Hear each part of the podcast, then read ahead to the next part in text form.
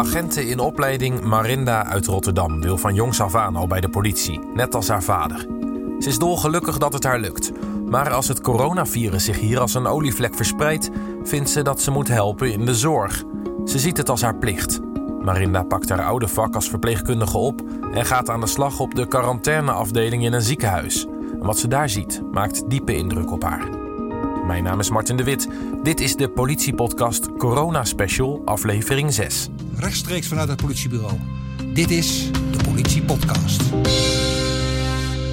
Politiewerk tijdens de coronacrisis. Hoe gaat dat in zijn werk? In aflevering 6 hoor je het verhaal van Marinda, een collega die bij de politie al in de frontlinie werkt, maar door corona nu wil helpen in een andere frontlinie, het ziekenhuis.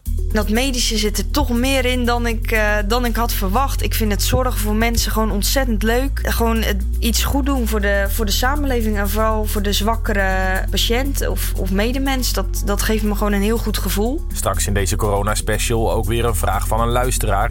Deze week van Danisha een vraag over hoesten. Net tijdens mijn werk heeft een man op zo'n 30 centimeter afstand van een vrouw zitten hoesten, waarbij hij nog zat na te smakken ook. Is het de bedoeling dat je ons daarvoor belt? Het antwoord hoor je straks. Heb jij ook een vraag over het politiewerk in deze tijd? Aarzel niet en mail me je vragen. Dat kan naar podcast.politie.nl. Ik ga voor je op zoek naar de antwoorden en die hoor je dan in de volgende aflevering.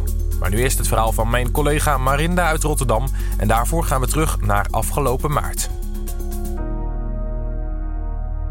Want ik heb vanavond geen gemakkelijke boodschap voor u. De realiteit is dat het coronavirus onder ons is en voorlopig ook onder ons zal blijven. Er is geen eenvoudige of snelle uitweg uit deze zeer moeilijke situatie. De realiteit is ook dat de komende tijd een groot deel van de Nederlandse bevolking met het virus besmet zal raken. Deze woorden van premier Rutte komen 16 maart wel even binnen. Tot die tijd hoopten veel mensen nog dat ons een grote uitbraak bespaard zou blijven. Helaas blijkt dat niet zo te zijn. De nieuwe situatie legt meteen een grote druk op hulpverleners. In ziekenhuizen is er meteen een enorme vraag naar personeel. Tweedejaars agenten in opleiding Marinda meldt zich bij het Maastad ziekenhuis. Ze kan de lessen van de politieacademie thuis volgen. En omdat ze in de weekenden bij haar oude ziekenhuis is blijven werken, kan ze direct fulltime als verpleegkundige aan de slag. Het typeert de jonge agenten. Bewust bleef ze, toen ze begon aan haar politieopleiding, in de zorg werken om haar medische papieren en vaardigheden op orde te houden. En dat terwijl het zorgvak eigenlijk een plan B voor haar was. Ik wilde na de MAVO eigenlijk al gelijk bij de politie, maar toen was ik te jong. Dus ik moest van thuis eerst een, een goede vooropleiding doen. En uh, nou ja, dat werd verpleegkundige. Die, uh, die opleiding duurt vier jaar. En het was eigenlijk na die vier jaar kreeg ik een baan aangeboden. En het was eigenlijk wel zo leuk dat ik de politie uh, even vergat, om het maar zo te zeggen. Maar toen uh, was die oproep er nog van vacature van hoofdagent. En uh, dat was de laatste lichting, zeg maar.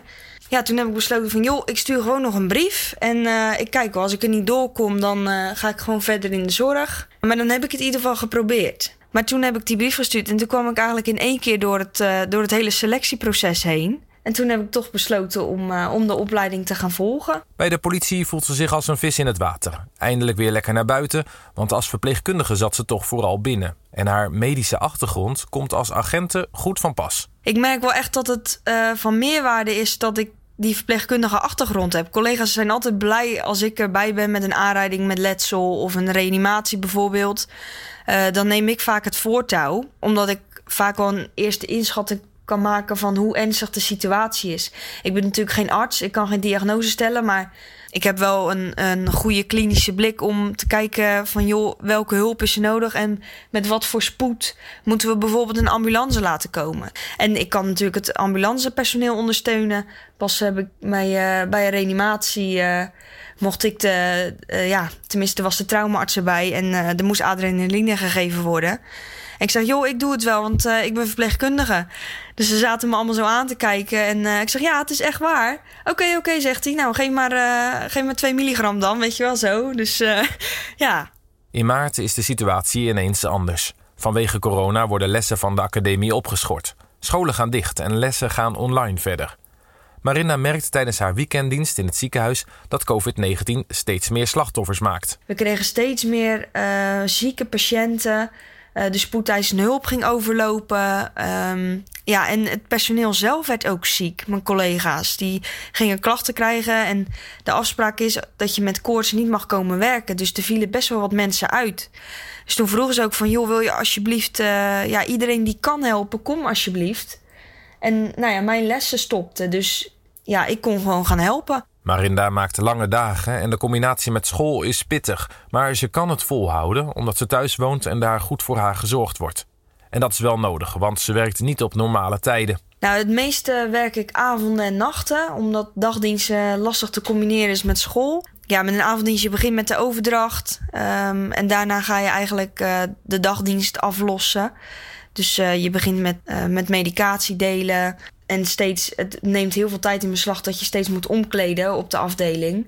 Daarnaast krijg je gewoon veel opnames. Dus uh, je bent continu heen en weer aan het lopen naar de spoedeisende hulp. Familieleden bellen, familieleden helpen met omkleden. En veel de patiënten ook controleren omdat ze heel erg benauwd zijn. Dus je moet heel goed het, uh, de vitale functies in de gaten houden of ze niet achteruit gaan. Ze is niet bang om zelf besmet te raken. Maar om veilig te kunnen werken moet ze zich wel vaak omkleden en beschermende kleding aandoen. En dat gaat de ene keer vlotter dan de andere keer. Ja, het, het kan heel snel. Pas hadden we een, uh, een man die gevallen was midden in de kamer. Een oudere man die, die was verward. Um, dus ja, we zagen hem vallen letterlijk. Want onze, de, de deuren op de afdeling die zijn van glas. Uh, maar je, je moet beschermd naar binnen. Dus uh, dan is het een kwestie van nou ja, heel snel schort aan, mondkapje, die, dat face shield om, handschoenen en, uh, en rennen.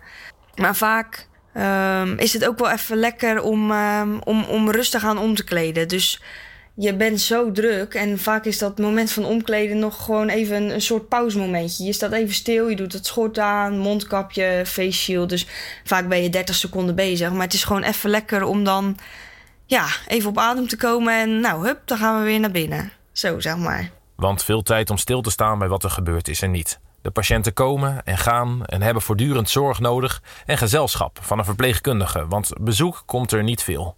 Ja, het is gewoon zielig dat vooral mensen die het zo benauwd hebben, die zo ziek zijn, um, dat die geen steun kunnen ontvangen van de mensen waar ze het meest van houden.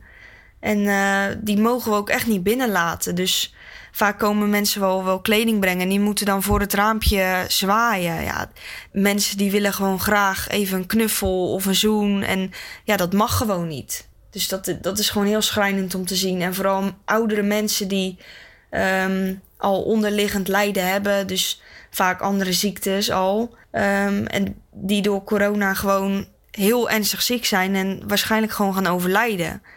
Die mogen dan maximaal één of twee familieleden op bezoek. En dat is, dat is gewoon heel zielig. Die moeten via beeld bellen, moeten ze afscheid nemen van de kleinkinderen. Ja, dat, dat is echt.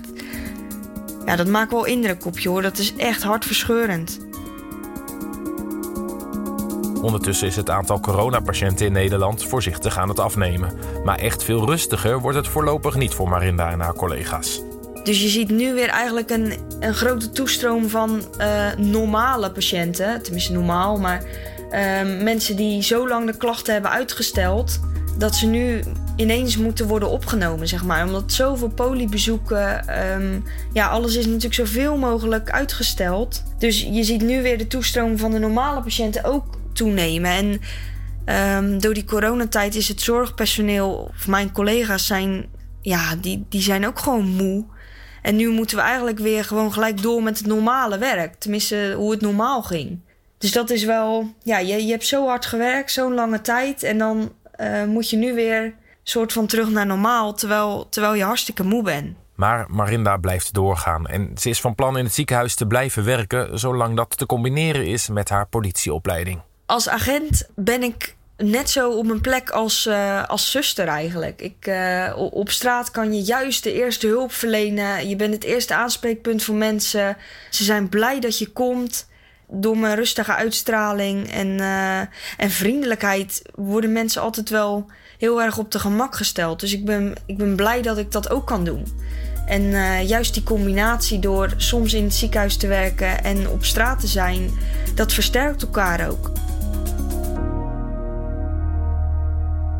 Agenten in opleiding Marinda was dat over haar keuze om naast het politievak ook als verpleegkundige aan de slag te gaan.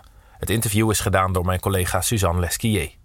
En dan heb je nog een antwoord van ons te goed op de luisteraarsvraag van deze week. Die kregen we deze keer per mail van Danisha en die mail luidt als volgt. Net tijdens mijn werk heeft een man op zo'n 30 centimeter afstand van een vrouw zitten hoesten, waarbij hij nog zat na te smakken ook. De vrouw had er geen last van en het viel in haar beleving wel mee, maar omdat meneer in de richting van de vrouw hoestte en geen sorry zei, heb ik de politie gebeld. Mijn vraag is nu: heb ik terecht gebeld of kunnen dit soort dingen gewoon? Dankjewel Danisha voor je vraag. We hebben de vraag weer voorgelegd aan een collega en dit is wat hij erover zegt. Hoi Danisha, bedankt voor je vraag. Ik ben Mark Tubé en ik ben op dit moment eigenlijk werkzaam bij het nationale crisisteam van de politie. Terechte vraag die je stelt. Ja, je kan voor uh, deze zaken de politie bellen. En waarom? We leven op dit moment in bijzondere omstandigheden waarbij we ook aangepaste normen en waarden hebben. Als iemand bewust iemand in het gezicht hoest, uh, is dat zelfs strafbaar en kunnen we samen met het Openbaar Ministerie er tegen optreden. Het is ook lastig om te bepalen is het nou bewust gedaan of onbewust gedaan. Dus als jij zoiets ziet en je twijfelt daaraan, dan is het nooit een probleem om te bellen met de politie. Uh, en dan kan de politie een inschatting maken wat ze daarmee gaan doen. Dus je kan altijd met ons bellen via 0900 8844. Ik hoop dat het een goed antwoord was op je vraag en ik wens jou veel gezondheid toe. Dankjewel Mark voor je antwoord. Heb jij nou een andere vraag? Je vragen kan je kwijt via podcast.politie.nl. Tot zover deze zesde corona-special van de Politiepodcast. Sterkte de komende tijd als je dat nodig hebt. Hou je aan de richtlijnen, want daarmee bescherm je jezelf en ook de mensen om je heen.